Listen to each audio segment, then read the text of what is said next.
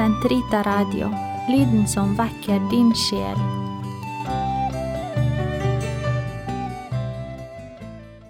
Den katolske kirkes katekisme, uke 43, mandag 8.20 til 8.29.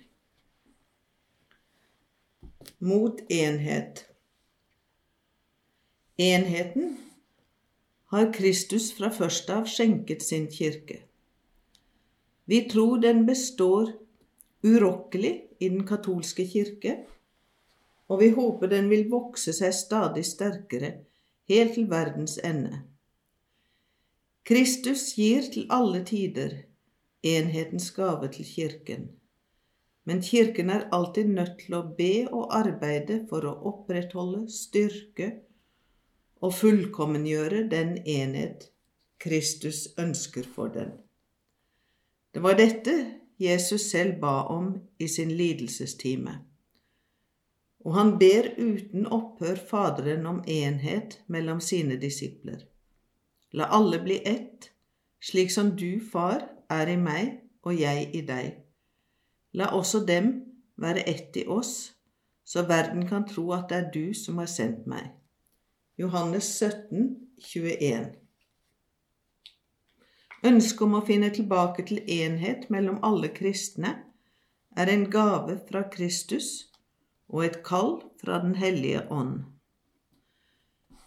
For å kunne svare på dette kallet kreves en stadig fornyelse av Kirken i større troskap mot dens kall. Denne fornyelsen er drivkraften i enhetsbevegelsen.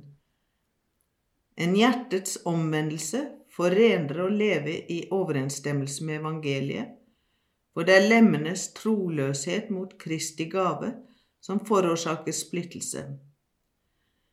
Bønn i fellesskap for hjertets omvendelse og et liv i hellighet er sammen med de private og offentlige bønner for de kristnes enhet, i sannhet like som sjelen i hele den økumeniske bevegelse, og kan med rette kalles åndelig økumenikk.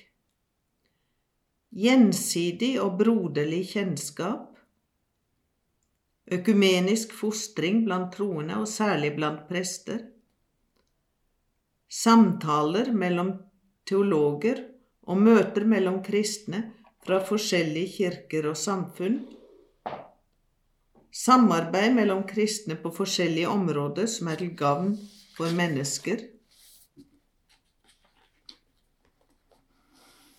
Omsorgen for gjenopprettelse av enheten deles av hele kirken, både legfolk og hyrder. Man må være seg bevisst at arbeidet for å forsone alle kristne i den ene og udelte Kristi kirkes enhet overgår menneskets krefter og evner.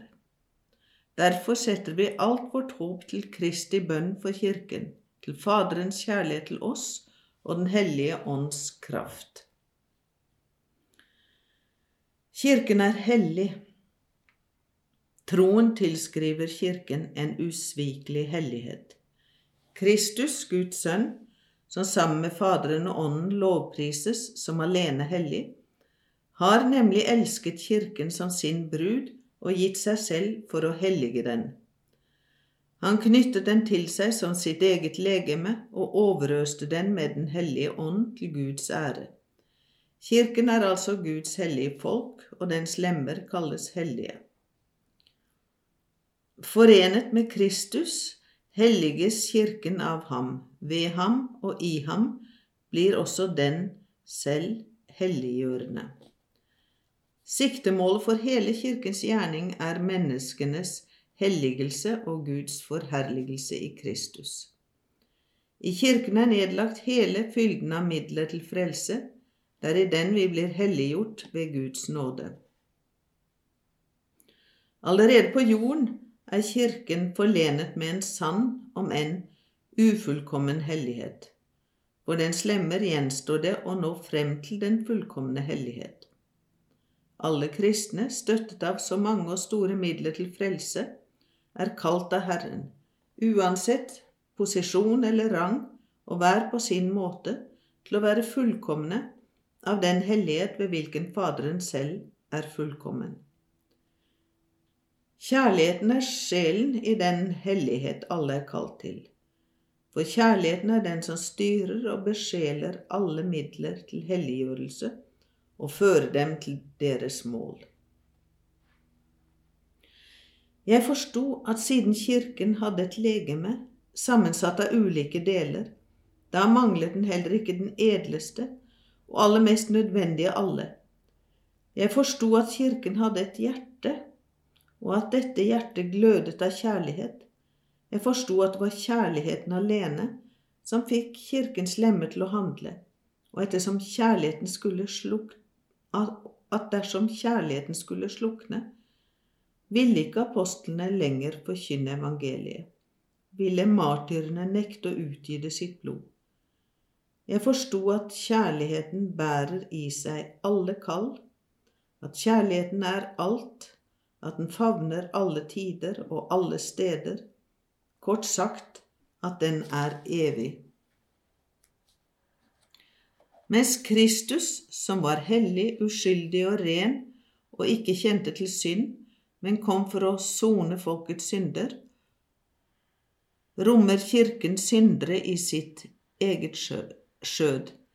Den er på en gang hellig og trenger til renselse, og derfor tilstreber den stadig botferdighet og fornyelse. Alle Kirkens lemmer, dens tjenere iberegnet, må bekjenne at de er syndere. I alle vokser syndens ugress fremdeles sammen med evangeliets gode såkorn inntil tidenes ende. Kirken samler altså i seg syndere som er grepet av Kristi frelse, men som fremdeles er på vei mot hellighet.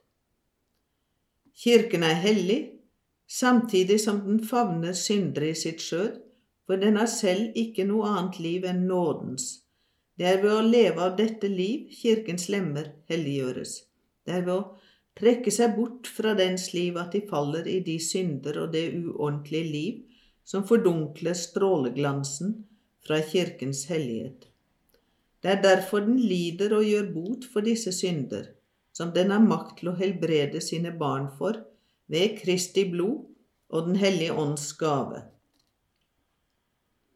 Når Kirken helligkårer, kanoniserer, enkelte troende, det vil si høytidelig erklærer at de har etterlevet de kristne dyder på en heroisk måte og har levet i trofasthet mot Guds nåde, anerkjenner den kraften fra den helliggjørelsens ånd som bor i den, og styrker de troendes håp ved å gi dem disse menneskene som forbilder og forbedre.